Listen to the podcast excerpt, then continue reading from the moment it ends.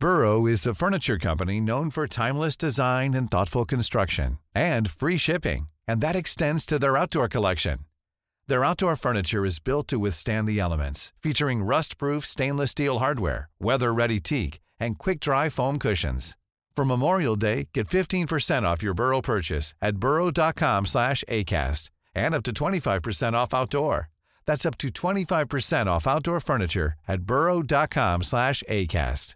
When you're ready to pop the question, the last thing you want to do is second guess the ring.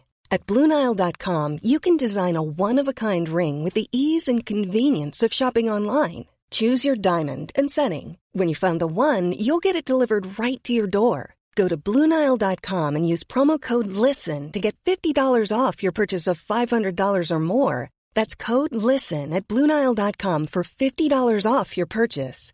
Bluenile.com code LISTEN. Mom deserves the best, and there's no better place to shop for Mother's Day than Whole Foods Market. They're your destination for unbeatable savings, from premium gifts to show-stopping flowers and irresistible desserts. Start by saving 33% with Prime on all body care and candles. Then get a 15-stem bunch of tulips for just $9.99 each with Prime. Round out Mom's menu with festive rosé, irresistible berry chantilly cake, and more special treats. Come celebrate Mother's Day at Whole Foods Market.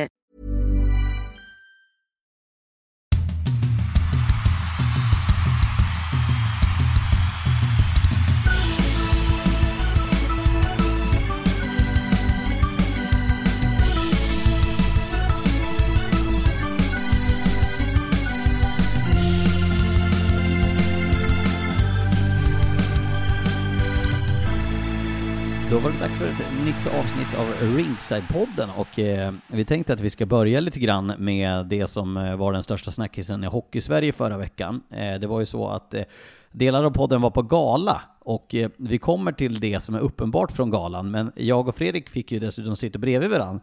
Och eh, Fredrik är ju inte den som sticker ut när det kommer eh, du blir inte så exalterad när det är hockeymänniskor eller så som är i närheten, men däremot är det gamla SVT-stofiler eh, som du har växt upp med i barndomen. Och mitt emot Fredrik, så du ska sett hakan på Fredrik Söderström när han ser att det är Ann-Britt Ryde heter hon va? Ann-Britt Ryd. Pettersson. Ann-Britt Ryd Pettersson som satt mitt emot oss. Hur var det? Ja, det var ju fantastiskt. Jag trodde det var ett skämt. För det första så tänkte jag lite så här innan. Jag är inte någon, ja men eh, så här, eller jag vet inte vilka som är helt bekväma att gå på en gala och du vet inte vem du sitter bredvid, hur fint det är, hur många bestick som ligger där.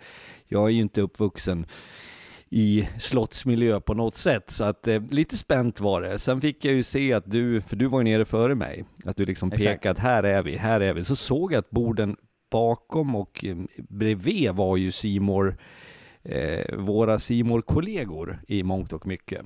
Därifrån var vi utsparkade med Ja, hår. de hade nog gjort ett, eh, ett upprop till våran chef att sätt dem där vid ett annat bord. Så då hamnade vi vid ett bord. Så hade ju du han mitt emot dig, eh, som också tillhörde oss. Olle Norin, han är controller, så det är han som bara avgör hur mycket pengar vi ska få, så det är, bra att hålla sig värd med Ja, honom. jag förstod det efter ett tag. Eh, och så ser jag mitt emot mig, är det ju ingen, men det står en, en det var ju sådana här fina bordsplaceringar och då står det Ann-Britt Ryd Pettersson och jag trodde jag skulle få en liten infarkt. Sen kom hon i egen hög person, eh, pensionär numera, jobbar lite när hon vill, men det är ju ett brutalt stort namn i public service och SVT, så att det var en fin kväll. Och du blir så barnsligt Ja. flittrig också. Det, det är ju som när Peter Lindgren på TV4 Nyheter kom in i sminket inför första Superfredagen. Jag trodde jag skulle gå i brallorna på dig.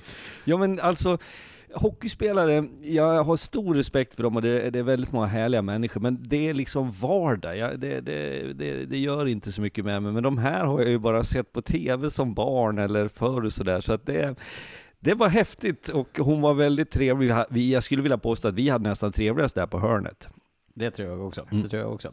Eh, Dagge, var, eh, nu var ju inte du på galan, men du har ju eh, sett och eh, anammat allting som hände med Börje-hyllningen och allting. Hur, hur upplevde du det? Eh, först och främst så kan jag se Fredriks ansiktsuttryck. Jag fick ju gå med Fredrik i TV4-husen, han visade upp Peter Kondrup, Leon Lee, de här väderkillarna och allting som var så.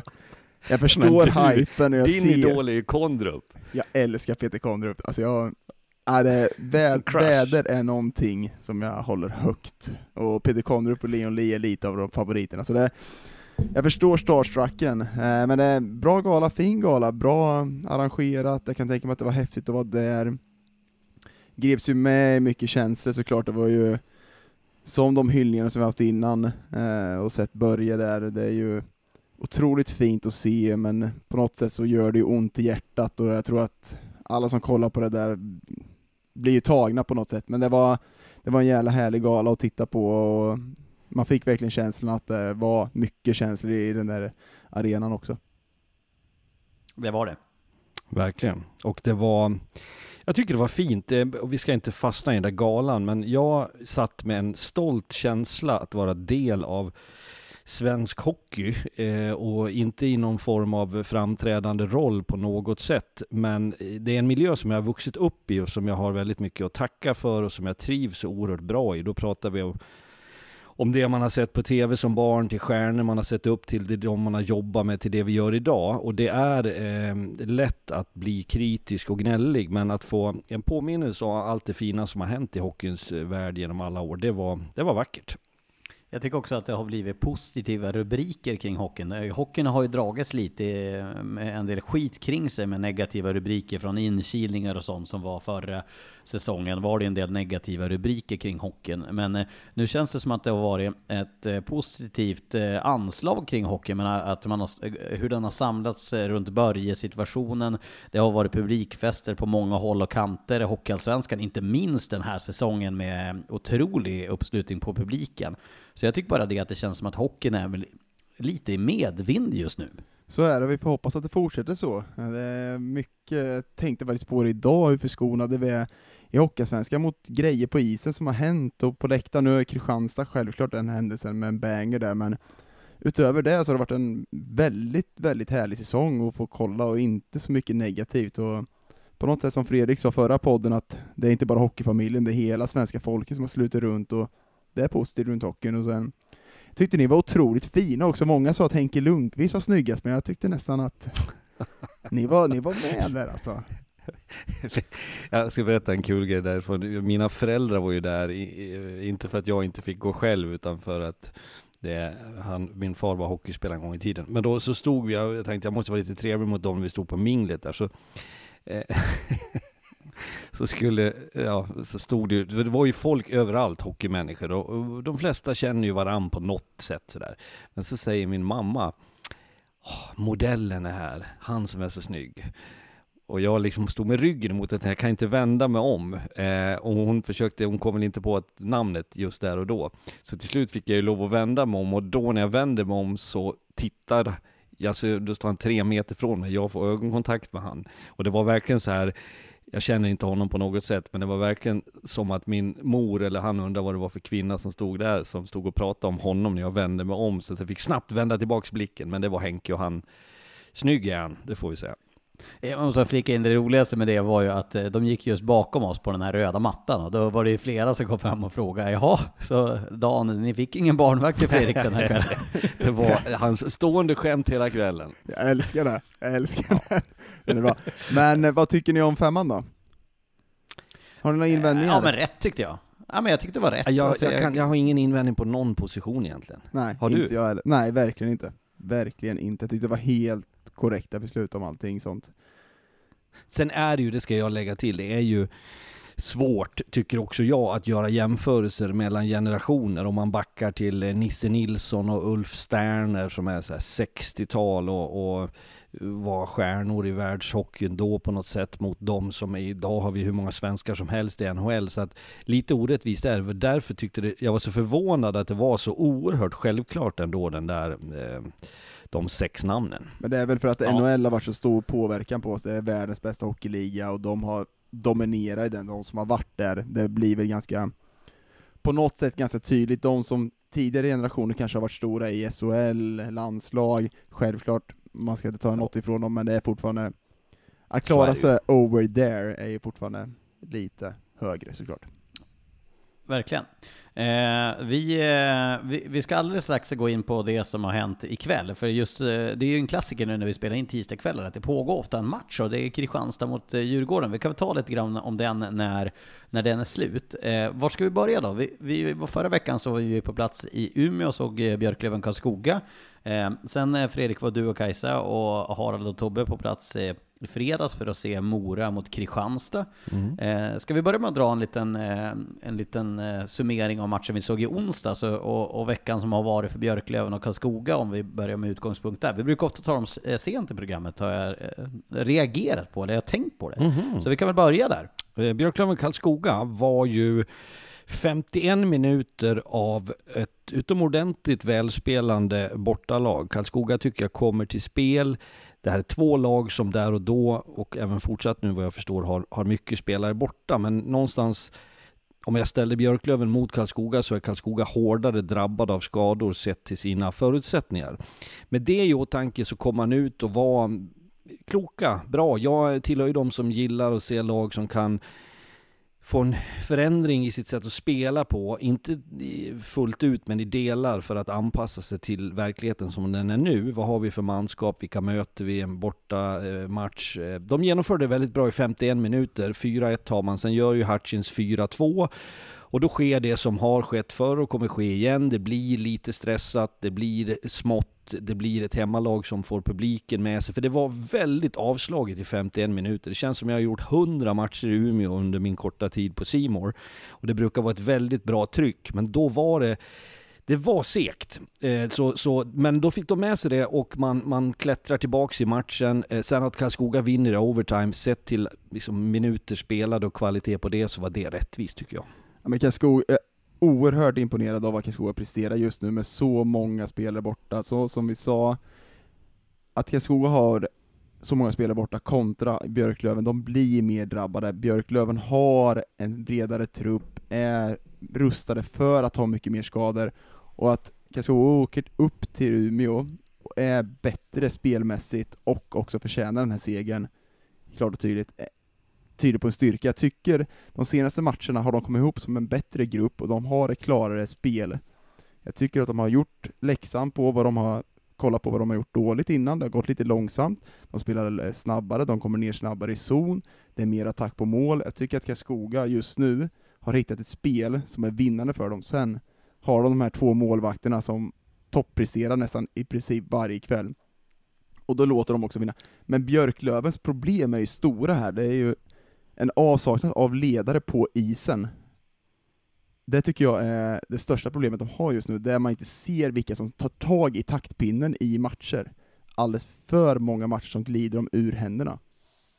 Eh, jag ska komma in på Björklöven alldeles strax, men jag tänkte eh, avhandla några tankar gällande Karlskoga innan. Eh, för det första så tycker jag att, som även Harald och Fredrik pratade om under matchen, så jag slår in en liten öppen dörr här. Men powerplayet spelade med en självklarhet på, i den där matchen. Det såg bra ut, det var bra pucktempo, de har hittat Henrik Larsson med ett självförtroende och dessutom Albin Eriksson kommer tillbaka med direktskotten. Jag tycker att de har en bra samman satt första powerplay-uppställning och sen är jag också charmerad över att man väljer att gå på Henrik Larsson och låta honom spela i två minuter i powerplay. Det är jag svag för. Ja, det var ju du, du röt ju i till mig i studion som ja. att det var mitt fel. Att de, det blir ju ofta så att du får alltid stå till svars för tränarkåren när jag blir arg. Ja, nej men så är det ju. Sen är det ju, ska vi komma ihåg en sak i det här, eh, och det är att, alltså, lag som hamnar i prekära lägen, oavsett, framförallt när det gäller att folk är borta, så på något märkligt sätt som är svårt att förklara för varje lag är unikt så har du en förmåga att bygga en ny kraft, en ny linje, ett nytt sätt att spela på som under en period kan vara räddningen för att plocka på sig poäng. Ja, eh, med det sagt menar jag inte att Karlskoga kommer att fallera när de får fler tillbaks, för det behöver inte vara slutsatsen. Men det är det jag tyckte var bra hos Karlskoga. Sen är det ju, du säger det Dagen, målvakterna är bra. Det är de ju. Sen har vi upptäckt när vi började titta på siffror, för sen två dagar senare så gjorde vi Mora mot Karl, eh, Kristianstad. Och etta och trea i målvaktsligan har du Piroinen och, och Ljunggren. Så att visst är de bra, men de är ju inte, det är inte två målvakter som, och sen är det hundra mil till nästa. Eh, jag vet inte varför jag halkade in på det, för att trycka dit dig på det. Det var inte så jag menade. Ja, lugn nu. Ja. Lugn nu. Ja men Lars var arg på mig, då får jag vara arg på dig. Nu lägger vi ner det här. Nej men jag, jag tycker att, eh, om man ska prata målvakterna så tycker jag att Moras spel, eh, ut, alltså försvarsspel och allting har suttit helt annorlunda än vad Karlskoga spelar. Jag tycker de har hattat mer. Däremot tycker jag att de har blivit räddade av Hellgren och Volden i matcher. Jag tycker inte Pironen och Ljunggren har räddat Mora, jag tycker det spelet finns där. Där tycker jag är en stor skillnad. Sen powerplayet i Karlskoga med Modigs eh, som har kommit, steppat upp här de senaste matcherna. Det pucktempot de har med Kingen på blå, Henrik Larsson, och Albin Eriksson med slagskott och direktskott och allting. Det går otroligt fort där. Och de, de, de är samspelta och det, det känns som att Henrik Larsson har ju kommit tillbaka i den storform som han hade för många, många år sedan i Karlskoga. Och jag, jag, gill, jag gillar vad jag ser av honom, han, han driver upp puck på ett helt annat sätt mot vad han gjorde förra året också. Och han är den här ledaren som ska vara giganten i det här försvarsspelet. Eh, jag håller med om det. Däremot måste jag notera att Albin Eriksson har ju varit väldigt bra nu på slutet. Men han hade ju på riktigt kunnat göra fyra mål i den där matchen. Han gjorde ett. Eh, eller blev det två kanske? Han gjorde, avgjorde också. Det blev två mål till slut. Men han hade ju chanser för att göra fyra till. Och det tycker jag väl ändå man kan se som en styrka att han eh, alltså kommer till lägen. Kommer till väldigt mycket lägen. Han, han, han, bryt, han bryter igenom på egen kraft också. Det är inte någon annan som gör det åt honom. Han skapar chanserna på, på hans sätt med den här storleken, vrider och vänder i hörnet, tar pucken mot mål i princip nästan hela tiden. Så han, han, jag tyckte han hade en downperiod lite i mitten av den här säsongen, men har kommit upp nu ännu bättre än vad han var i början. Jag har bara ett problem med Albin Eriksson och det är hans längd. Han är 1,95 utan skridskor och så skulle jag göra den där segerintervjun på isen så fick jag en lättare AC-ledskada i höger axel. Du berätta för en pall? Upp. Ja, precis. Så, nej då. Men, nej, men de gör det bra. De gör det bra. Eh, Och bara kort på eh, Björklöven så kan jag känna att Eh, det var inte deras kväll eh, och det har, har ju skett, så, så kan det vara. Eh, jag var lite förvånad bara att inte det fanns mer puls efter ett uppehåll. En, en period kan jag leva med att det är lite rostigt, men jag tycker ändå att de borde någonstans ha haft lite mer tryck i grejerna och det, det får inte ske för ofta. Det tycker jag har gjort ett par gånger nu. Och dessutom ska vi säga att de var, blev nollade mot eh, Södertälje i fredags, vilket också understryker det där. Men eh, jag måste bara flika in det på, på frånvarosituationen. Vi säger att, eh, att visst, Karlskoga kanske blir ännu mer drabbade, för de har inte samma bredd som Björklöven har. Men eh, om man kollar vilka som är borta i Björklöven, Veti Vainio eh, känns ju snudd på att man har strukit honom från att han är, tillhör Björklöven ens, för han spelar ju aldrig. Men de har ju kanske deras två bästa eh, offensiva backar borta i Jesper Lindgren och Vete Vainio. Det är bästa målskytten från i fjol, Kristoffer Bengtsson är skadad, och två centrar, Fredrik Andersson och Jakob Olofsson, som dessutom är ganska starka tekare, vilket gör att de får problematik med det. Det vet jag att Harald Lyckner brukar tycka är viktigt, och vi har en center med oss här som nu höjer upp fingret, men de får ju, de blir ju drabbade där också, att eh, centerlinjen blir försvagad. Och jag, jag, jag tycker att de lämnar bort problem väldigt ofta i sitt puckagerande, där de liksom kastar bort pucken många gånger. Det jag har upplevt Björklöven tidigare i år och där de har haft sin styrka, är att de har varit puckskickliga och hållit den inom laget många gånger och fått fart från det. Nu tycker jag att de kastar puckar och det kanske de lider av att de inte har de här offensiva backarna som kanske sätter det första passet, får fart i anfallsspelet och centra som kan spegla på ett helt annat sätt. Just nu så lämnar de över problemen väldigt ofta till andra och det, det är väl en brist på att jag tycker att det är många som tittar på vem ska göra det och inte jag ska göra det. Det, det, där tror jag Björklund har ett ganska stort problem just nu. Sen, självklart, jag tycker att de har lagt i treans växel, det finns fyran, femman kvar där, där de visar många gånger under säsongen, så det, jag är inte direkt orolig för Björklöven. Det blir intressant att se nu, för nu, vi ska ju göra dem, bo- eh, alla vi tre på fredag när de möter AIK hemma, och så sen ska ju jag och Fredrik även göra derbyt på lördag mot Modo, som ju börjar 20.45. Och det är folk som har reagerat på varför började matchen 20.45, kan jag bara förtydliga varför den gör det. Det är inte vårt fel på Simor kan jag förtydliga, för det det är lätt att vi får skit för det. Men det är ju faktiskt så att eh, Modo möter Mora borta på fredag kväll. Och sen har jag förstått det att Modo ska chartra hem, men deras krav för att spela matchen på lördag gentemot ligan var att matchen skulle spelas sent. Så det är Modo som har ställt ultimatumet ultimatum att matchen ska spelas sent och därav startar den 20.45, så ni vet om det. Men Fredrik, eh, något annat att tillägga på Björklöven, eller var du färdig där? Nej men eh, jag tycker vi var färdiga där. Ja, då kan vi väl gå vidare till eh, Mora och Kristianstad. För eh, gällande Mora så kom det ju väldigt spännande tid nu för Mora med tanke på att vi har sagt att de är på, på G på allvar. Nu har de Hovet borta här eh, onsdag, AIK borta. Eh, Modo hemma på fredag. De spelar på lördag eh, mot Karlskoga hemma och så har de Djurgården borta nästa tisdag. Så det är fyra kvalificerade matcher inom en vecka som Mora ska spela. Mora är ju det lag som vi upprepar oss en del, men det är ju för att det är, är vår sanning i alla fall, som har, har skött sina kort bäst under hösten. Jag tycker de har vuxit spelmässigt och känns väldigt trygga och stabila i sitt sätt att bete sig på. Det gjorde de även mot Kristianstad. Sen är det ju fortsatt så att det inte är, det är inte, alltså de gör mål och de, de gör tillräckligt med mål för att vinna matcher, men det är, inte, det är inte maskinen som gör mål på varje chans och skaffar sig 3-0 och dödar en match. Här är det tajt länge och väl, vilket gör att Kristianstad som inte där och då var i sitt bästa skeende eh, ändå kunde vara med. Men om jag ska betrakta den som 60 spelade minuter så tycker jag att Mora är bättre från början till slut och man vinner fullt rättvist och det finns den här tydligheten som jag verkligen uppskattar i Mora. Sen har man ju, Kristianstad har ju ett väldigt, väldigt stort problem med att göra mål i matcher tycker jag, när man kollar på dem. De, de pumpar på, de jobbar, precis som vi har pratat om innan, men de har en avsaknad av den här spetsen de hade förra året, som var väldigt bra med Kik och de här spelarna som gjorde mål på de här chanserna. Så om man kollar matchen ikväll till exempel mot Djurgården, har egentligen 12 minuter i powerplay där de egentligen inte skapar så mycket. Sen självklart gör de två mål till slut, men jag tycker att en avsaknad av den här spetsen och släpper Bajkov till, till hästen som blommar ut och vad är king shit med Marcus Eriksson nu. Jag tror att de, de måste få igång de här Netteberg de här för att liksom ta de här tre poängarna också, för jag tycker att de har ett grundspel, bra, jobbar hårt, men de har inte den här spetsen som kan avgöra matcher för dem. Nej, jag uppfattar det helt rätt. Förra året var det ju, det var ju något som vi pratade rätt mycket om, så hade de Kontos och Sidorov och Cheek, eh, det var de som ledde, de levererade poäng. Det, det vart den här som vi har sagt med några andra lag, som kanske Modo är ett exempel, även om de behöver få igång ännu fler om man nu ska ställa höga krav. Men, men det var tydligare och det, jag håller med om det. Sen tycker jag dock att att um, den här rackaren från Mora, nu står helt still, uh, no, uh, som Harper. Harper, kommer med till sin rätt i Kristianstad.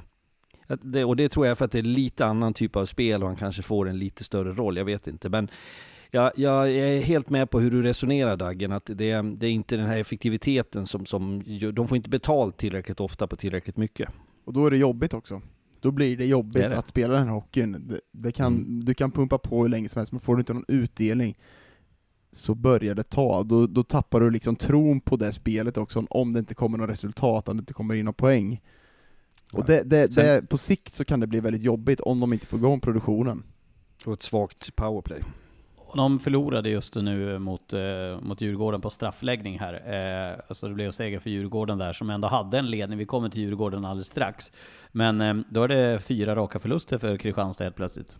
Ja, de har haft den här ja. förlusttrenden innan också i några säsong, eller i, i den här säsongen, så det men när jag kollar den här matchen idag, de, de har liksom 12 minuter i princip, jag vet inte om de fick något mer när vi började podda här, men 12 minuter i powerplay, där de knappt kommer in i zon och skapar inte några heta chanser. Det, den här spetsen som jag efterlyser, alltså vi, vi måste se Netteberg, vi måste se de här spelarna kliva fram här nu och vara den här spetsen framåt för dem, för den, den, den finns inte just nu. Nej, de gör ju inga mål. Alltså, noll mål mot eh, AIK, 0-5 där. Ett mål mot Östersund, ett mål mot Mora, två mål ikväll.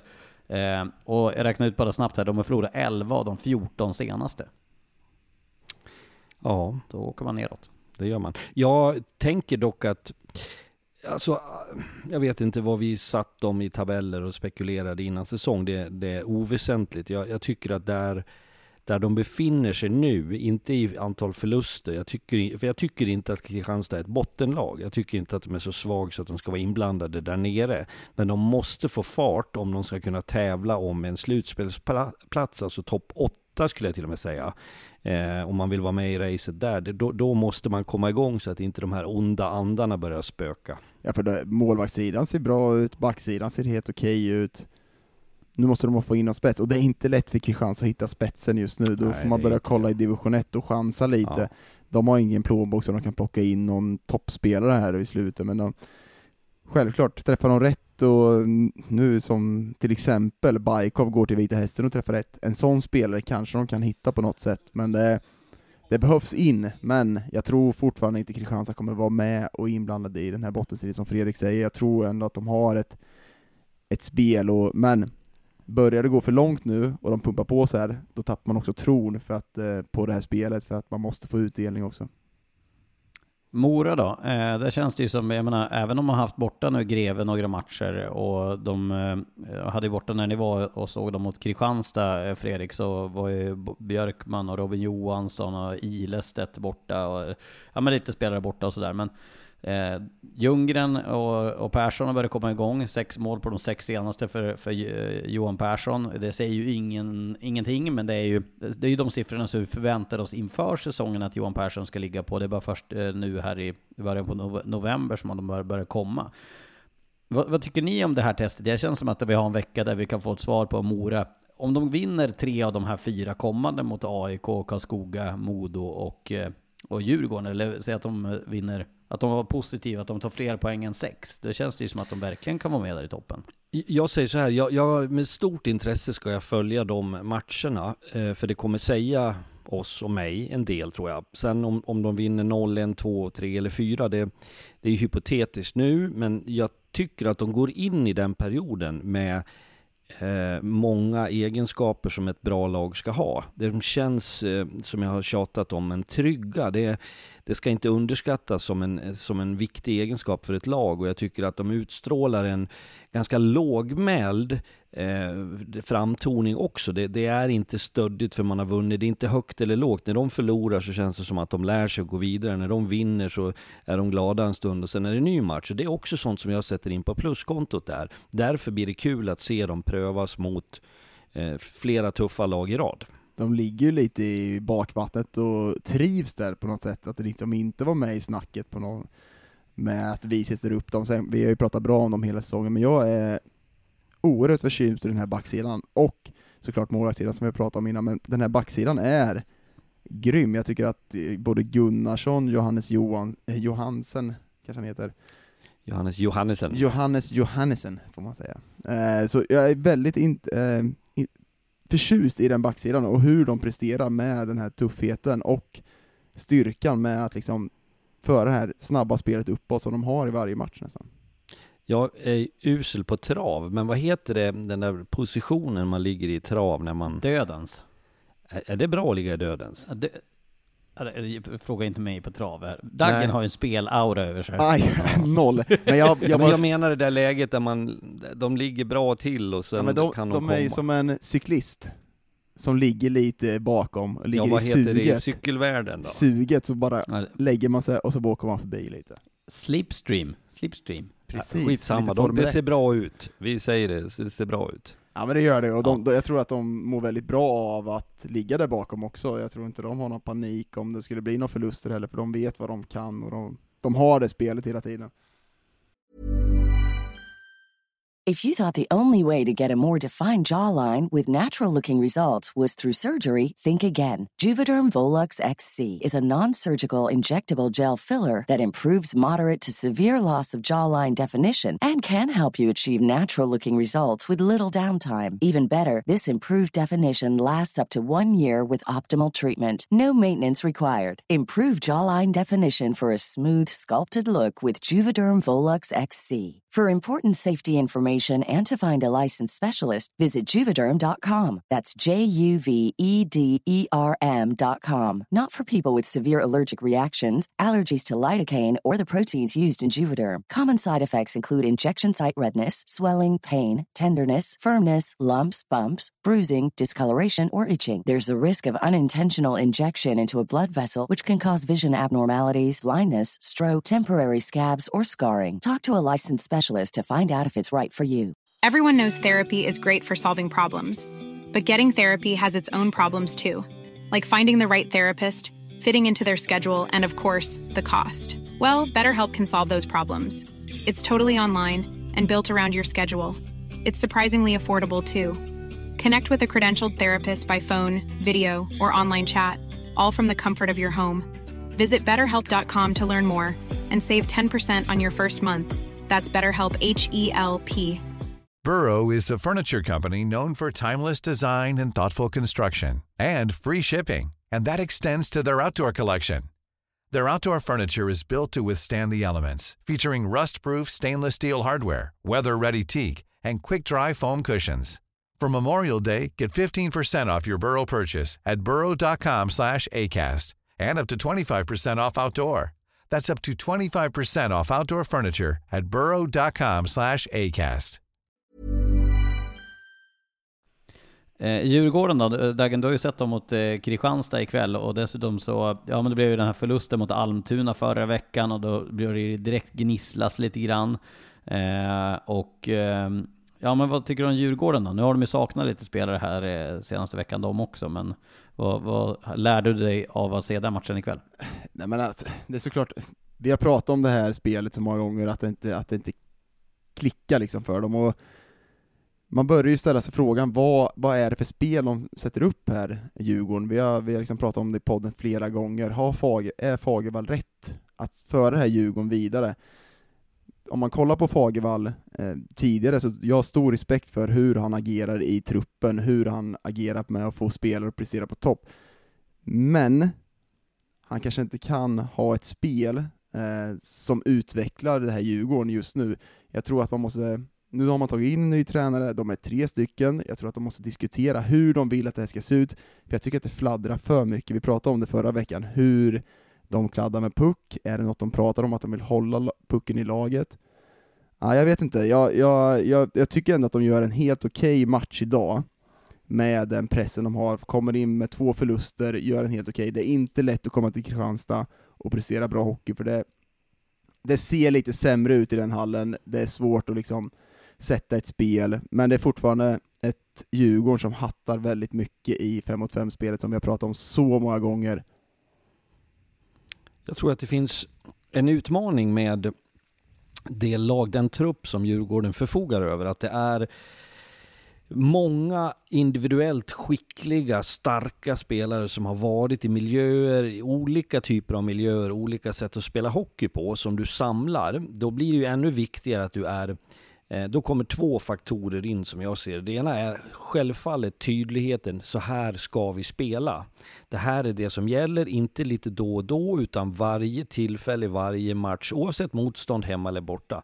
Men det är ju en pappersprodukt, eller en teori, som också måste planteras och implementeras i ett lag. Och då krävs också Eh, den, eh, den tydligheten i ledarskapet. Så att egentligen två saker som måste för, för kombineras. Och nu sitter man på tre tränare, fyra, fem beroende på hur vi räknar målvaktstränare och videocoach och så. Men eh, i, i Holmqvist, i Ragnarsson och i Fagervall som, som borde kunna nå fram med det här. Jag, jag ser inte att det skulle kunna vara ett problem, men det, det, får inte dröja, för att det där är också en process som tar lång tid. Man kan inte eh, börja peka på det här i november, slut, december, januari. Det där måste ha planterats tidigare. Det förutsätter att det har gjorts, men då måste det också följas upp mycket tydligare och då är det, det är ju hårda nyper också. Det, det går inte att sätta sig runt lägerelden med lite marshmallows och säga kom igen nu boys, det, så här har vi ju sagt, utan det där är en konst som jag har stor respekt för de som lyckas bra med det.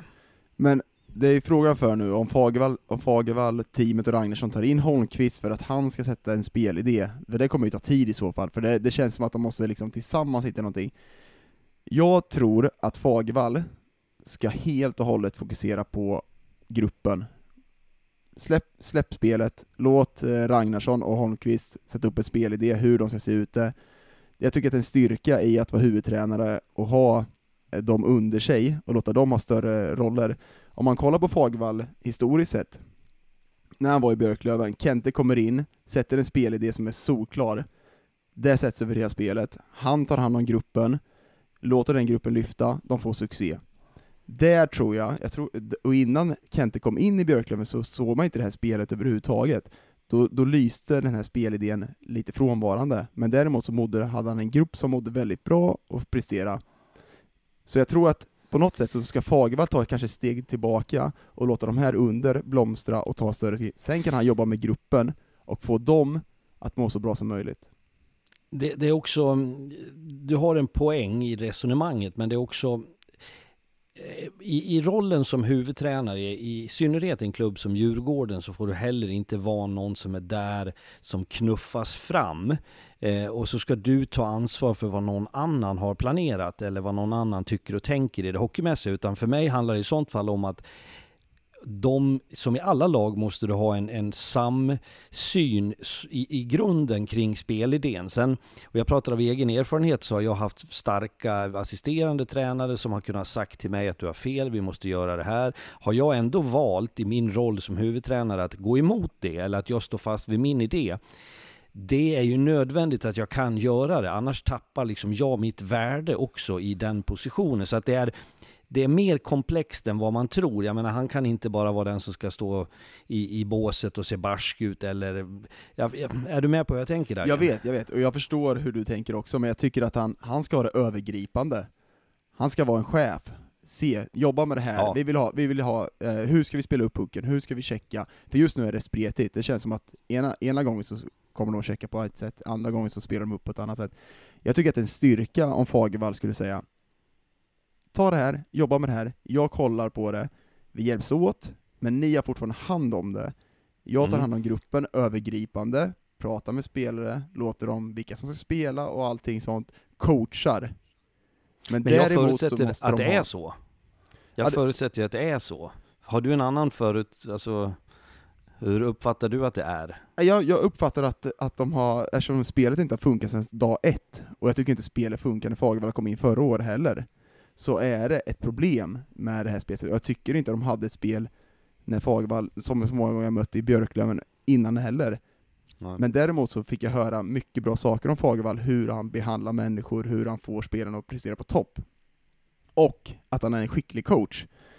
Men däremot när Kente kom in, som jag sa innan, han ändrade spelsättet, han satte en spelidé, han gjorde det där, och Fagervall tog hand om det. Jag upplever det ja, så men det, utifrån. Det, så, så har jag också fått mycket rapporter om att det var, att det var Per som satte spelsättet. Sen, sen exakt liksom hur, jag antar att det är väl ändå någon form av, någon form av kommunikation mellan då Kimby på den tiden och Joakim Fagervall också. För jag upplever att Björklöven ändrar helt syn och spelsätt när Kente kom in i Björklöven. Och, och där tycker jag, om vi ska prata Björklöven, det tycker jag de har tappat nu istället. Så det är en vågskål såklart. Men äh, det är väldigt intressant att se vart Djurgården tar vägen här, för jag tycker ändå att de starkt idag, de vinner ändå mot Kristianstad efter två torsk. Det är inte så lätt att åka ner dit och vinna de här matcherna, för jag upplever att eh, Kristianstad som är hårt jobbande, men ja, vi kräver mer. De ligger två, de har eh, bra poängsnitt och allting, så vi, men vi kräver ju väldigt, väldigt mycket av det här Djurgården. En grej som jag eh, snappade upp kring Djurgården, det var ju det här att det började snackas, det var väl Johan Svensson, Mr Maddox, som sa det, att Marcus Sörensen, liksom att det började surras om det ska in en till liksom Eh, superstjärna om ni förklar, förstår vad jag menar på den här nivån. Jag menar, vi såg ju hur bra Marcus Sörensen var när han var i Vita Hästen. Han var ju fullständigt dominant i den här ligan. Men det känns ju inte riktigt som att det är det de behöver, att de behöver ytterligare en stjärnforward som, eh, som ska åka runt och diktera sina villkor. Utan det de snarare behöver är väl att ja, men, allmänt får det att klicka lite grann. Jag menar som får Lekkerimäki och få fram sin offensiv som han visade under delar i, i SHL-spelet. Att få ja, men, mer bara att det ska synka. John Norman har gjort det jättebra, men kanske inte det offensiva som John Norman också kan stå för under tidigare SHL-åren. Nej, och det är ju det, är det där som är dilemmat. att det räcker inte med 25 individuellt sett väldigt skickliga hockeyspelare. Det är en komplex historia. Det handlar om rollfördelning, det handlar om spelidé, det handlar om kravbild i träning, det handlar om hur du matchar ditt lag. Det är ju det här som gör den här sporten så vansinnigt fin, och, men också så svår. Eh, så att det finns utmaningar för Djurgården, så mycket kan man ju säga. Sen blir det ju lite motsägelsefullt, som du touchar vid tror jag Daggen, att de ligger tvåa. De är ja, med i racet. Eh, kan man växa, kan man växla ut? Jag tror att vi ska akta oss för att göra som vi har gjort. Det har ju även jag gjort och sagt att göra en HV. Eh, för det, varje säsong är unik och varje lag är unikt. Så att jag har, har själv gått i den fällan tror jag. Jag hörde ett eh, intressant resonemang. Eh, jag var, eh, var på gymmet här tidigare under dagen och då lyssnade jag på, vem var det då? Eh, jag lyssnar på så mycket poddar här nu så jag glömmer bort egentligen vem det är som säger vad. Men, men eh, det var en ganska intressant tes tyckte jag. Om att eh, Djurgården möter en svårare liga i år än vad HV mötte i fjol. Och det måste jag ju faktiskt skriva under på, för jag upplever både Modo och Björklöven är bättre i år. Jag upplever att Södertälje är bättre, jag upplever att eh, Mora är bättre. Eh, så jag tycker att det är en tuffare liga generellt den här säsongen för Djurgården än vad det var för HV71 i fjol. Så är det absolut enligt min mening. Och du har dessutom de här som jag tror vi har pratat om tidigt under hösten, faktorerna med många derbyn, det är saker som tar fokus från den, den vardagen som, som är så viktig också. Så att det, det, är, det, det är vi som ska akta oss för att säga att göra en HV. Ja, jag tänker med det går vi vidare till eh, eh, ytterligare en match som också spelades i fredags med tanke på att den är intressant för oss som ska göra Modo två gånger den här veckan. Att Modo eh, åkte ner, tog sin sjätte raka seger när de besegrade eh, Västerås och där finns det ju mycket att säga om den matchen. Eh, Riley Woods skada kommer vi till så småningom, men Modo som fortsätter att, eh, jag menar 6-1 bortaplan mot Västerås. Nu har de, vad är det, 13-2 mot, Modo, mot eh, Västerås på två matcher, eller om det är 13-3 eller vad det är. Enormt starkt Modo, som vi också såg eh, besegrade Djurgården i tisdags, det pratade vi om i förra podden.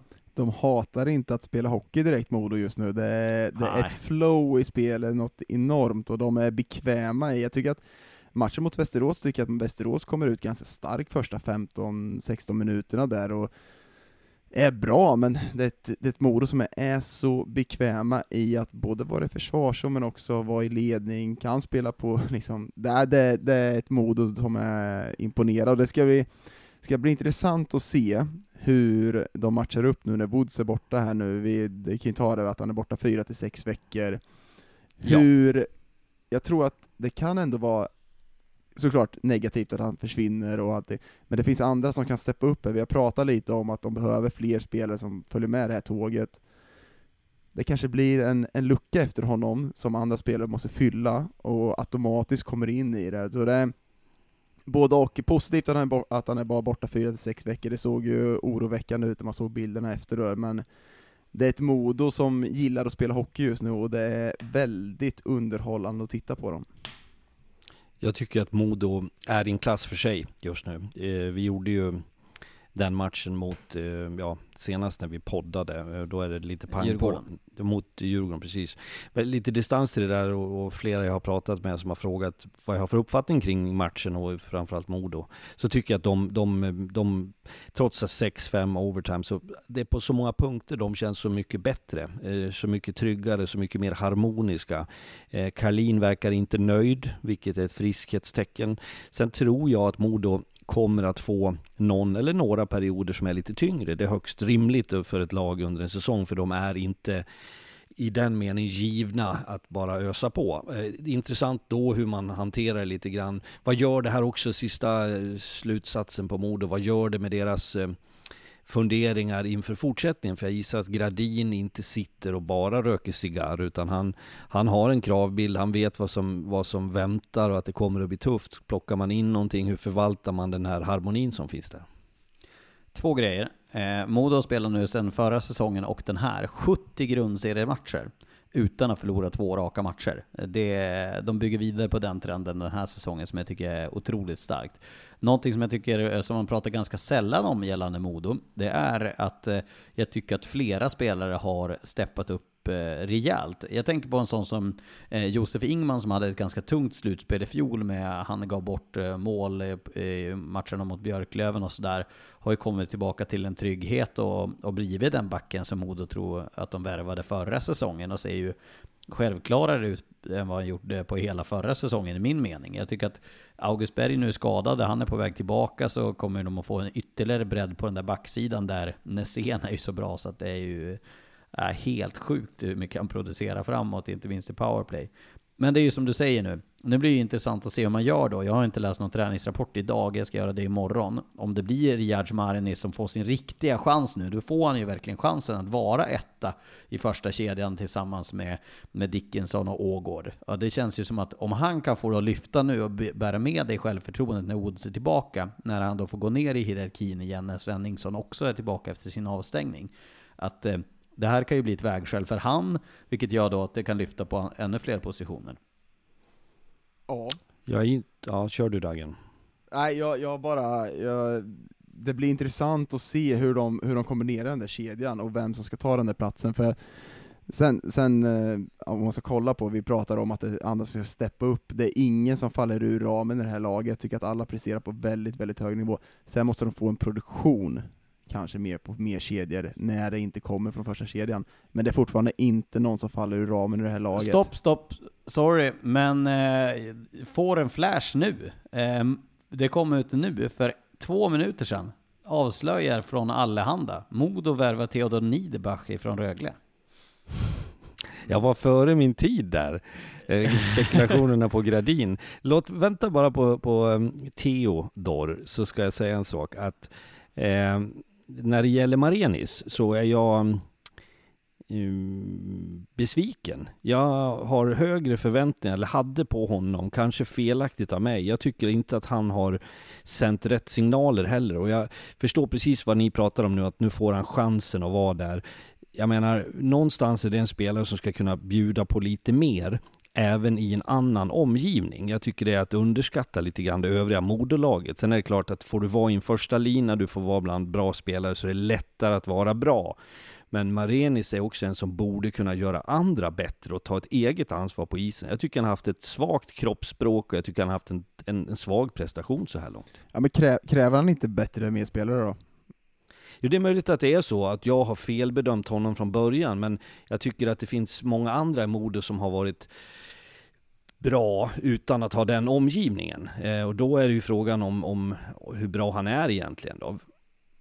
Ja, och, och, nu ska inte jag säga att han har en dålig omgivning direkt, han sitter rätt, han sitter rätt bra i den. Nu spelar han ju i fjärde kedjan senast då mot Västerås, men annars har han ju ändå spelat med Erik Karlsson och bra spelare, så det är inte direkt så att han har suttit i båten om man säger så. Men det, det, är det är en indikation på att de sätter honom med Theo Jakobsson och Karl Ummegård i den matchen.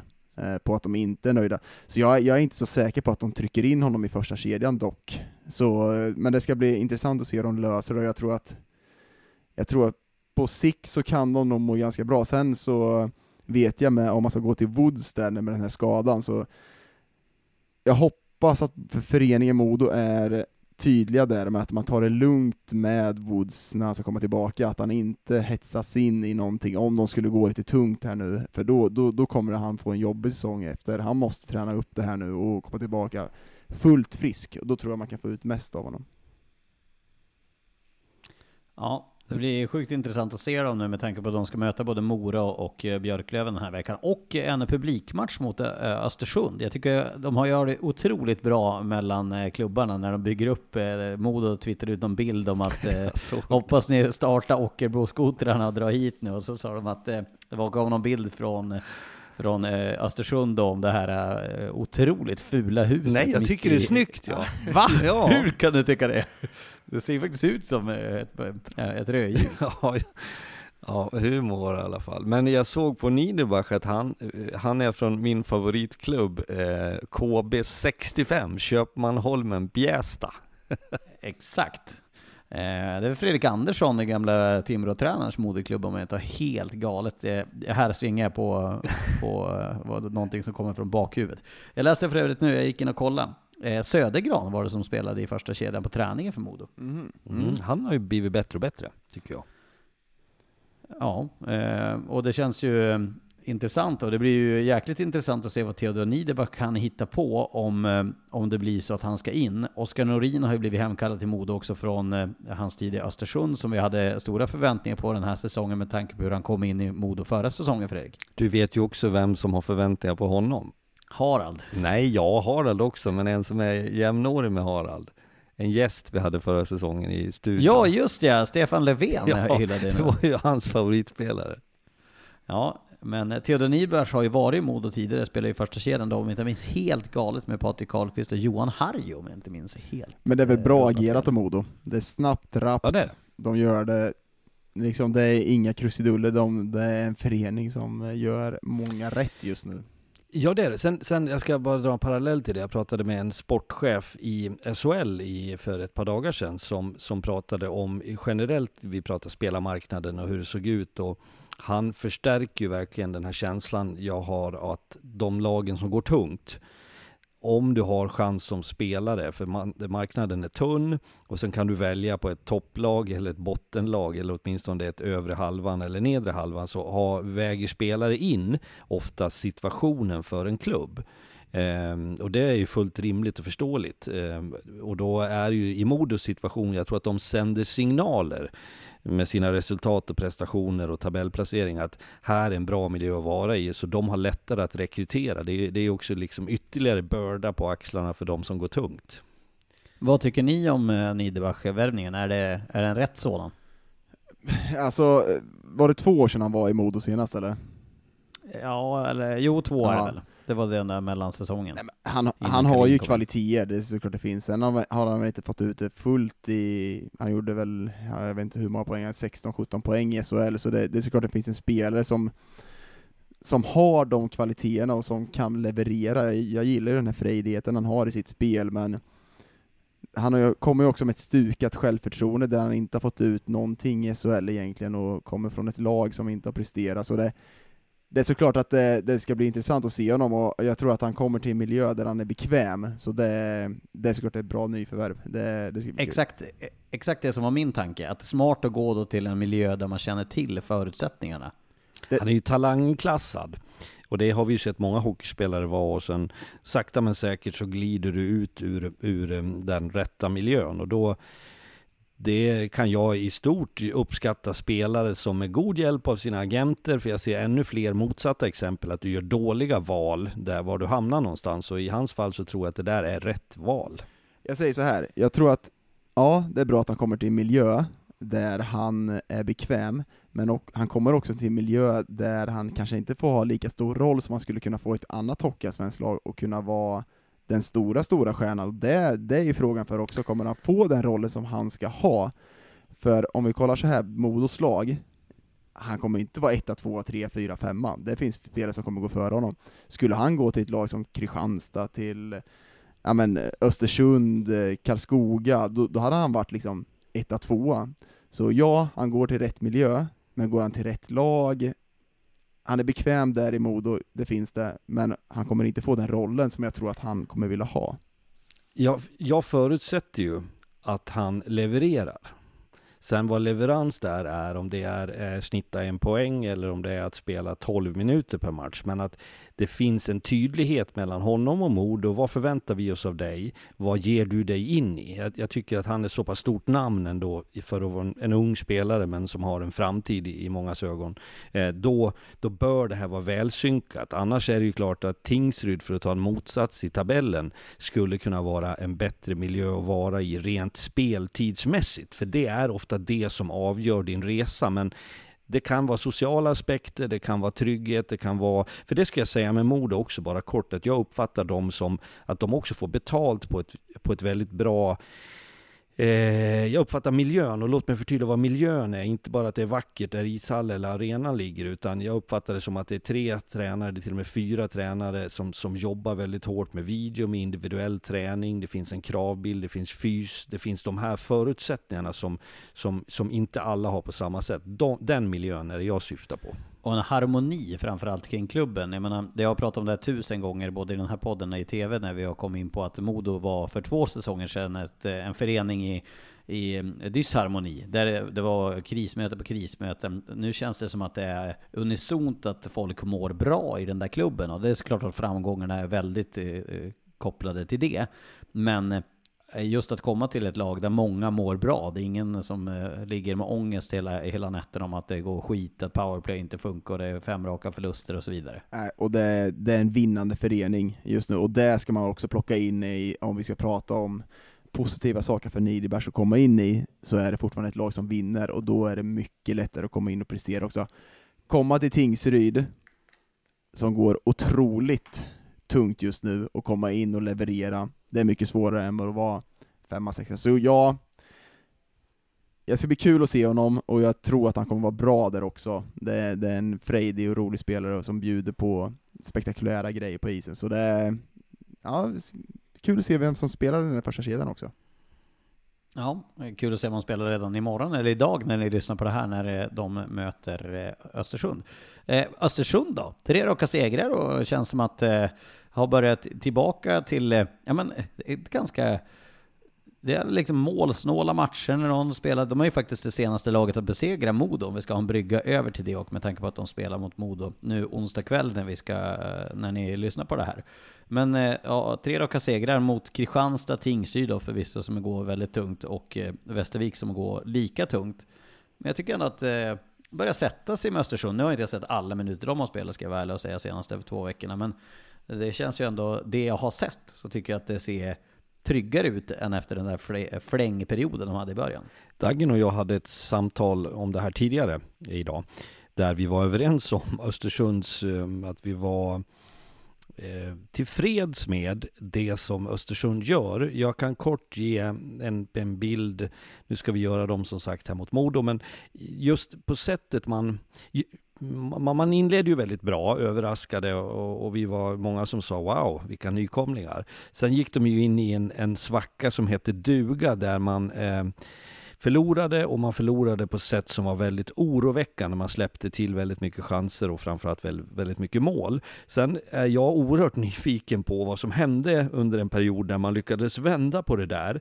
Man tog några viktiga segrar och framförallt så lyckades man eh, ställa eh, om sitt tänk spelmässigt. Man varit lite ödmjukare, vi är nykomlingar, så här måste vi hantera. Och så har man gjort en resa utifrån det. Och jag är också eh, väldigt, eh, inte förvånad, men jag tycker att de har lyckats anmärkningsvärt bra med att akklimatisera Hockeyettan-spelare eh, som gör det så bra i Hockeyallsvenskan just nu. Och det är väldigt goda tecken.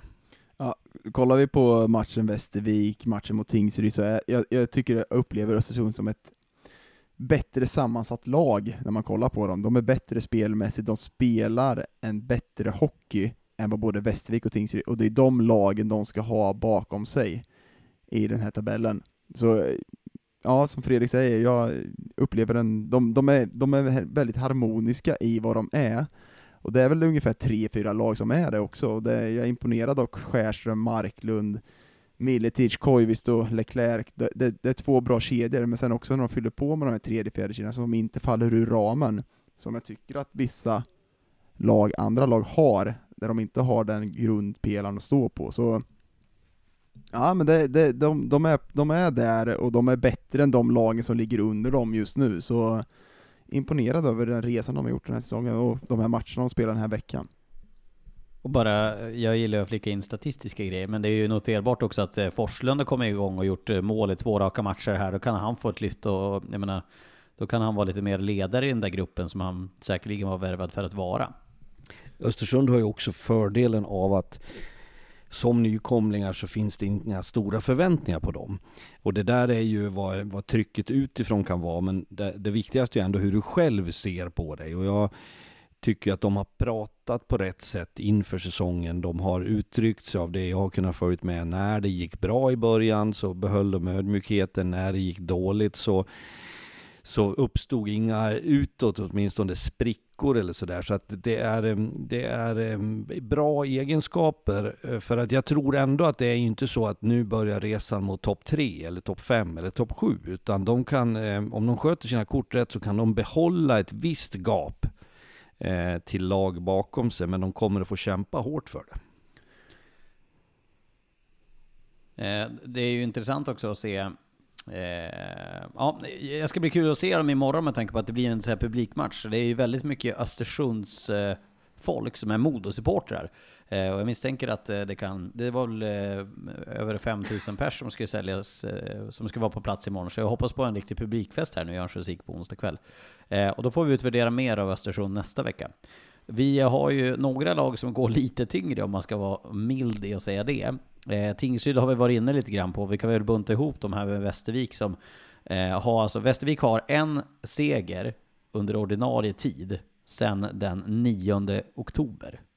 Alltså en, en trepoängare sedan 9 oktober. De har vunnit två matcher däremellan. Eh, det var efter straffar, men en trepoängare sedan 9 oktober. Ja, eh, både Tingsryd och Västervik har ju just nu, ett, ett, om man ska kolla Västervik så har de ändå Brickley Vela, som är eh, spelare som tar tag i det, men for, Tingsryd just nu, det, det, finns ingenting att ta av. Eh, det är ingen som presterar, de har en de, de kämpar och sliter, men mycket mer än så är det inte just nu i det här Tingsryd, och det, det är stora problem och de börjar halka efter något grovt här nu. Så det, det gäller att de får fart på grejerna, men, men så om man kollar matcherna i veckan så finns det ju liksom ingenting att ta av heller, så det är ja, lite, lite orolig för vad både Tingsryd och Västervik presterar just nu på isen. Eh, vi är ju ingen podd som avslöjar saker, det finns ju på folk, folk som gör det. Men eh, jag kan bara bekräfta att jag skickade ett sms till Henrik Gradin bara för att kolla så här, ja men eh, stämmer det här om Theodor Niederbach? Och eh, fick svar nu. Eh, japp, klar för resten av säsongen. Du ser. Så Niederbach, det, det är klart. Sillypodden. Ja, med Lars Lindberg. Du, du, du, ja, det, lär väl, det lär väl vara ute imorgon då, men det var ju kul att vi kunde bekräfta det, att eh, det lär väl vara klart också och presenterat imorgon bitti. Vi pratade ju om de här eh, silly-ryktena förra veckan. Jag är ju barnsligt förtjust i de här silly-ryktena på Twitter, för Erik var ju inte där, men jag... jag säga, jag, Erik hatar sånt där. Ja, jag, jag skulle kunna bara följa silly-rykten eh, på Twitter, så jag, det, jag, jag, tycker att det är kul när det spekuleras, och vart de här spekulationerna kommer ifrån. Det, det är för att jag och du... Det är för nöje. Det är för att jag och du, Dagen, vi har levt i den här fanskaran. Du är fan till Manchester United och jag, jag är fan till Liverpool. Att eh, vi, vi frodas ju av det här. Fredrik sitter ju på en lite högre häst så här, med näsan lite mer upp i vädret och är lite mer märkvärdig. Det är därför han inte går på sånt ja, men jag, gillar, jag gillar nyheter om det är så att du sa för fem minuter sedan att, du, att det sas och nu bekräftar du. Det, det är ungefär den perioden jag kan sträcka mig. Eh, Kul att hålla med dig i fem minuter. Ja, jag, jag gillar när det skjuts på drömvärvningarna, jag älskar när jag ser de här som Ja, det, det, det, det, kommer aldrig hända, men jag gillar ändå när det finns ett hopp om att det kommer hända. Och det, ja, det är en tjusning med de här eh, silly och jag är som sagt, jag, jag älskar det. Eh, vi har pratat om Västervik och Tingsryd, det var där vi var, sorry att jag hoppade tillbaka och, och förstörde ert flow där. Men eh, det är ju eh, Eh, Eh, prekärt läge nu för eh, båda de här två. Ja, för, inte minst för Tingsryd. Nej men eh, någonstans tror jag de eh, finner en tröst i att de inte har förväntat sig så vansinnigt mycket mer. Jag tror att har de rätt självbild så vet man om att det är begränsade förutsättningar. Våra trupper är okej, okay, men vi har inte tillgång till den absoluta spetsen. Eh, och då blir det andra faktorer såsom spelet, att man hittar ett, ett, ett, bra sätt som inte är naiv hockey, att man hittar ett sätt att vinna de här matcherna mot andra lag där man tycker att man ska kunna vinna. Sen att du också får fart, det kan jag väl tycka är lite oroväckande på Tingsryd, att det finns ändå en del eh, svenska spelare, eller om jag ska uttrycka mig på det sättet, som inte är toppgubbarna. Som jag hade hoppats på skulle kunna vara, mm, ta de som var till Södertälje till exempel i Felix Olsson för att prata igen. Simon Norberg klev tillbaka under förra säsongen. Det är ju spelare som bevisligen har gjort det bra förut i den miljön. Nu har man Anton Gradin i poängtopp som jag pratade om som lite spännande eftersom jag hade sett honom förr. Eh, men det är, det, jag har inte sett så många komma igång och då, det, den frågan får man då ställa sig. Eh, vad beror det på? De plockar ju, eh, de har ju också en skade, skadefrånvaro som är ganska lång, jag såg att de plockar in Chris Hägg här också. Så de, de lånar ju från division 1, så det, det, tyder väl på att de inte, att de är ute på marknaden men inte hittar rätt heller. Men det är det är ju anmärkningsvärt att jag, jag när jag kollar på Tingsryd så tycker jag att det, det, finns ingen som sticker ut offensivt i det laget. Kollar jag på Västervik så finns det ändå Brickley, Vela och de här spelarna. Men det, och Loggins numera. Ja, det är väldigt slätstruket i Tingsryd, och där tror jag ett stort problem är att det, det, är väldigt, det är bara trier. Det är ingen topp i det laget, och då, då, de kämpar och sliter, men de får inte ut någonting av det, och det, den spetsen är ju en grym avsaknad just nu. Men jag tänker lite så här, det är en period eh, när Tingsryd var väldigt bra. Ni får hjälpa mig med åren. Kan vi prata kanske 14, 15? Första året i, Ja, när de, spelade HA-finalen där mot AIK va? Ja, Magnus Sundqvist ja. var tränare. Så spelade ju eh, Tingsryd en, en väldigt solid hockey. De var väldigt konsekventa, försvarsmässigt väldigt tajta. Det, det var på något sätt att hitta ett spel som matchade materialet och man gjorde det vid upprepade tillfällen gång efter gång och byggde också en mentalitet på det där. Det är samma lilla samhälle, det är samma förutsättningar i grova drag skulle jag kunna tänka mig. Eh, och det är ju utmaningarna för den där typen av, av, av lag. Och det, det, jag har för lite insikt i Tingsryd, men där, just i deras fall så tror jag det är det som skulle kunna vara deras räddning, att det blir lite vi mot världen på så många sätt. De, de måste få den räddningen, det är den känslan de måste få in. Eh, för annars, är de, annars åker de i år, eh, om det ska se ut så här. För det, det just nu så, som sagt, det, det är Tingsryd som både prestationsmässigt ligger väldigt långt ner, men också spelmässigt, där det inte finns så mycket att hämta. Men den säsongen de spelade så bra, de hade ju verkligen en spets då, jag vet inte om det var Keston Gay som var den säsongen som ledde oh. det där laget som var fruktansvärt bra. Mm. Och... Ja, nej men du har det, och man ska inte jämföra, men, men det, jag, det jag tycker är frapperande med Tingsryd, är att de ser så stukade ut. Jag tycker inte de kommer ut till match i det jag har sett av dem på slutet med känslan att de här kan vi rå på, utan de tycker att de är lite mindre, lite sämre, lite det, det, det, är lite så att det här kommer inte att gå. Det är en farlig mentalitet. Ja, och, och det känns som att de nöjer sig. Det är okej okay att vara så. Och där, som du säger Fredrik, det är väldigt, väldigt farligt att känna av den känslan. Mm. För just nu, det finns liksom inget, det finns ingen glöd, det finns inget spel. De, de, måste hitta den här känslan som, som vi är inne på, att det är de mot alla andra. Förutom den så kommer de inte klara det. Var det inte, eh, var det inte Caston Game med Niklas Johansson, och hette han inte Danny Kearney? Hans, Danny Kearney? Som de hade. Ja. Han mötte jag i Frankrike, han var sjukt bra i Frankrike, så kommer han till Tingsryd och är lika bra där. Så det, det var en spelare som var och jag kommer ihåg i, i Frankrike så var han, han var king shit där när vi mötte han i slutspel och gjorde väl en 7-8 mål och sen efter så satt han i, i bar Uber och knäppte en bira i gången när vi hämtade trunken och hade åkt ut i semifinalen så See you next säg, year guys! Säg, säg lite om Lig Magnus. Det var en trevlig liga. Lig Magnus. Ja, Ja, eh, vad talar om Magnus Sundqvist? Eh, nej men gällande Tingsryd, jag, eh, ytterligare en podcast jag hörde idag så hörde jag på Marcus Leifby, han är ju från Tingsryd. Gör inte du annat än att lyssna på poddar eller? Men det är jättebra eh, grejer att göra när man eh, typ eh, går promenader, springer, eh, tränar och sånt. Jag, jag är ju ingen musikfantast långt därifrån, så poddar är liksom min grej. Eh, därav så skaffade vi Ringside-podden, så att vi ska ha en egen också. Men gällande Tingsryd, hans tes var lite grann att det kanske är läge för Tingsryd att åka ur till ettan och spela i ettan. Och det, låter ju som en chockerande tes för folk i Tingsryd. Men eh, jag tyckte hans eh, tes där var ganska intressant just att då, ja, men då stått och harva liksom för det var 8, 9, 10 och, och rädda sig på målsnöret varje år. Och då började jag tänka på det där. I ettan så har de då en eh, omgivning där de har klassiska eh, rivalitetsmöten. Nu är Karlskrona där, nu får vi se hur länge Karlskrona är där med tanke på Niklas Johansson då som vi snackar om, eh, som ju har ett stjärnfyllt lag i Hockeyettan som jag inte har någon koll på, men jag vet att ni har lite grann. så Karlskrona kanske gå upp, men det kan ju vara en tes det, att det kanske inte är så farligt för Tingsryd att åka ur. Vet du att jag har ju levt där nere, jag var tränare i Olofström i två år, säsongen 9 och 10 kanske det var, där eh, Tingsryd var ettan med oss. Eh, vi hade fantastiska matcher, det är bland de finare hockeyminnen jag har eh, i den miljön. Det var Kristianstad, det var Olofström, det var Mörrum, det var Karlskrona, Kallinge-Ronneby var i tvåan då men tog sig upp, det var Tingsryd det var knöka fullt i de där hallarna, för Blekinge, nu är förvisso Tingsryd Småland, men det är på gränsen, är en speciell miljö, fin på många sätt, men de har en enorm eh, alltså, alltså självförtroende och stolthet över sin bygd, sitt lag.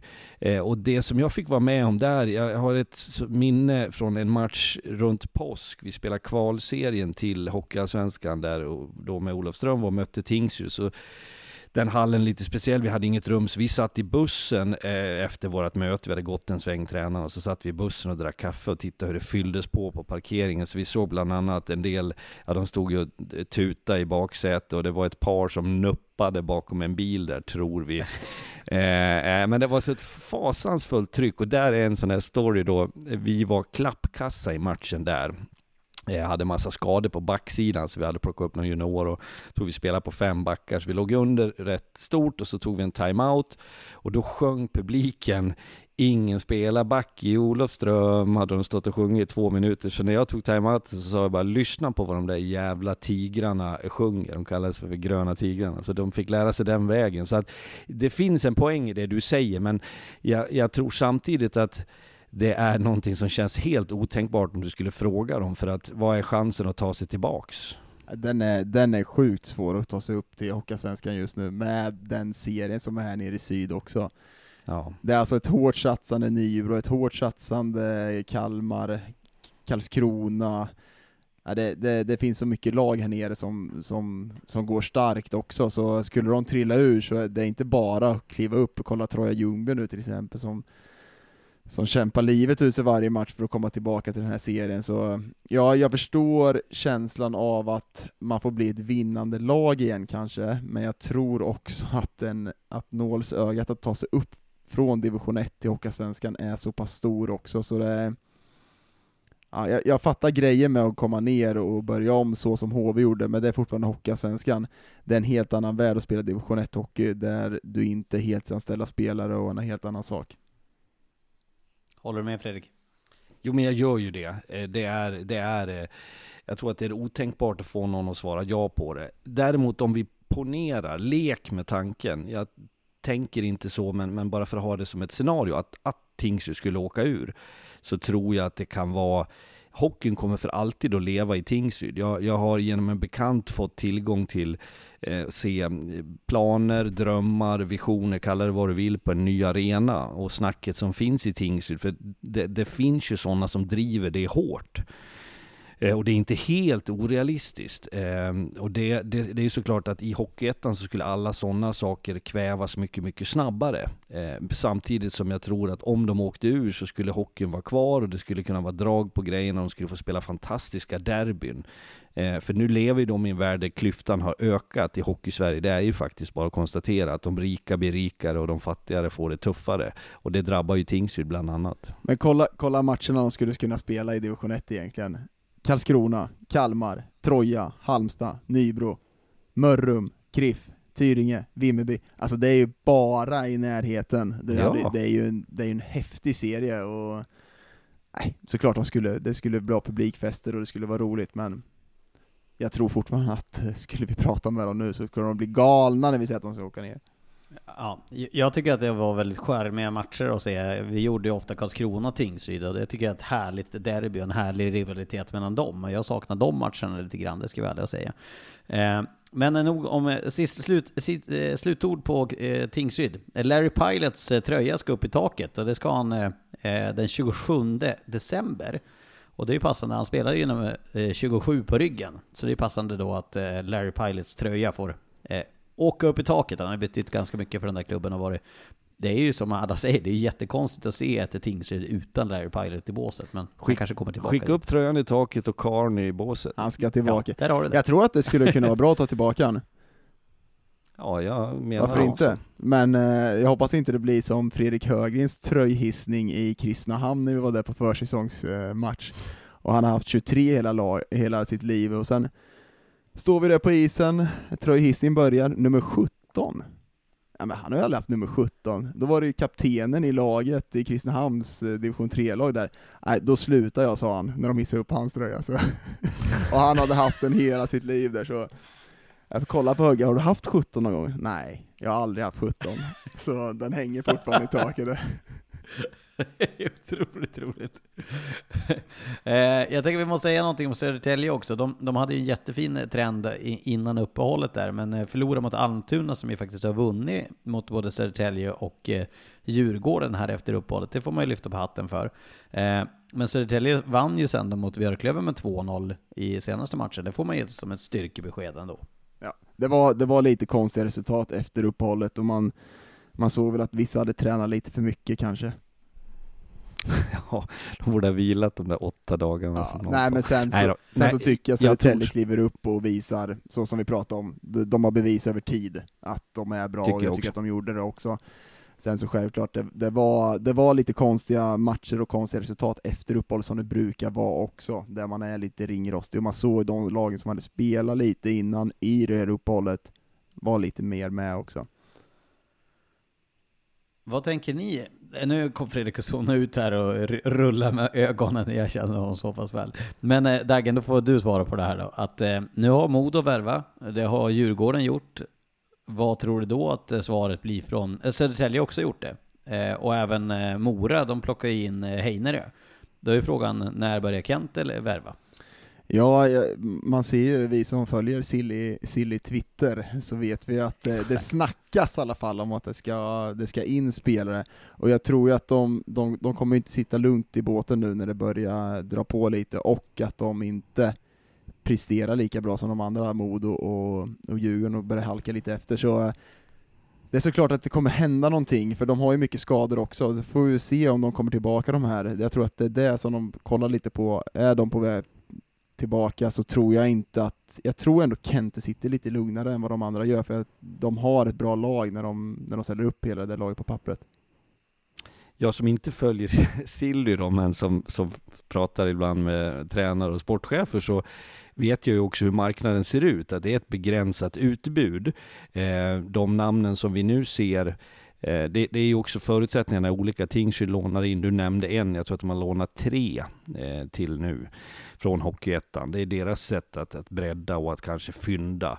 Eh, tar vi topplagen så plockar de på sig större namn. Så att jag tror ju, hoppas ju faktiskt, för det, det menar jag att att bara plocka på sig, eh, det, det, det gör ju inte dem bättre, utan ju, ju mer tid du kan ha på dig att, att, att jobba in rätt namn och att kanske också vänta lite grann och se, för det, har- det har ju ofta följdeffekterna. Uppenbarligen ska ju Rögle, Rögle ska ju göra någonting som släpper Rosdal också, eh, och Niederbach. Så att det, det är ju, jag tror att det pågår väldigt mycket samtal mellan agenterna och, och klubbarna. Sen ska det vara rätt personer till rätt pris. Jag tror att Kente sitter ganska lugnt och, och verkligen väntar in den rätta spelaren, för han, han vet också att de här spelarna kommer tillbaka. Det är ju bara att kolla Västerås, de tar in Liam Nilsson, eh, och de verkligen suktar efter en spelare som ska ta det här laget och, och föra det här laget vidare. Sen tar de in en, en junior från Frölunda, det är såklart att, att, eh, att marknaden är skral, eh, och det, det syns ju där också med alla lån som de tar nu. Liam Dover Nilsson. Liam Men Dover. då kan vi avsluta den, här podd, avsluta den här podden med att säga att på fredag kan ni kanske få svaren för att då ska eh, Per Kente göra gäst i vår studio när vi sänder Björklöven mot AIK. Så då har vi chans att grilla honom lite grann om hur han tänker. Det blir ju Då spännande. kommer han att berätta alla namn som han har på gång. Exakt det vi förväntar oss av Per Kente. Eh, vad, eh, jag vet inte, slutord. Eh, vi har Modo Östersund imorgon, det blir Björklöven AIK eh, och eh, Karlskoga, eller Västerås på fredag, som är superfredag. Eh, och så ska vi Fredrik göra Modo Björklöven på lördag. Det Mm. blir väldigt kul. Ja. Bra hockeyvecka kommer. Det är det, och jag, mina slutord är att det här är en period av säsongen som är lite underskattad. Det, det är mörka november, december, det börjar gå mot tider. Jag vet att man står där i januari, februari och säger oj, vad hände med de där? Varför har de så många poäng upp? Eller hur kan de här... Alltså att, att hantera vardagen, mörkra tider, skador, för det är också någonting som jag, det ska jag bara säga, som tränare hatade jag att använda det argumentet som en ursäkt. Jag kunde naturligtvis internt prata om att vi har mycket folk borta. Omgivningen har en större tendens till att tävla, att ja, men då, vi har sju borta, ja, men vi har åtta borta. Det, det, det, det är en del av idrotten och det ska också kunna hanteras. Så vilka lag gör det bäst nu när vi har kommit, passerat den första tredjedelen? Det börjar hända lite i tabellerna, det kommer lite kritiker, tränare ifrågasätts, spelare värvas. Spännande tid. Ja, gråa november brukar ju vara en tid som eh, lämnar spår efter sig, så det är, det är som du säger Fredrik, det är, det är en tid som eh, engagerar. Sen kommer julen, man får lite ny tändning, man får lite ny kraft, man får dricka en pilsner på nyår, kommer ut som en, eh, som en ny människa där, så eh, ja, vi får se vilka lag som hänger med här nu. Verkligen. Och med det så säger vi välkomna till Simor Hockey och eh, kvällens match när ni lyssnar på det här mellan Modo och Östersund. Och en trevlig hockeyvecka som stundar där ni får det mesta från oss och vi får umgås också på fredag kväll. Det blir trevligt. Mycket, Mycket trevligt, alla tre. Vad härligt. Ja. Det blir skoj. Jag ska ta en klippning eh. i Umeå tänkte jag. Så, eh, om det är någon som har eh, lite bra ja. frisörtips låt, ja, för en tunnhårig kille. Ja, ja, ja, ja, låt mig nu berätta. I våras när jag var där konstant så gick jag ett varv och så hittade jag ett fantastiskt trevligt klippställe med väldigt duktiga tjejer. Det var säkert sju, åtta stycken. Det var som en fabrik. Eh, jag fick kaffe och en chokladbit och hon använde inte maskin, hon klippte. När jag skulle betala, jag köpte också en liten förpackning, en reseförpackning med något vax eller vad det nu heter som jag har i mitt hår. Så gick det på 900. Jag, jag höll på att få dåndimper, men då var det en fin salong, det var ett fint jobb, det var bara betala och se glad ut, det vart bra, men det var dyrt. Jag kör ju den här fem minuter snabbt in, ut, 150 mm. spänn, klart. Så gärna tips in till podden för bra stuk till min frilla inför Superfredag. Det är bra. Eh, men det som är det, vi ses och hörs. Ta hand om er.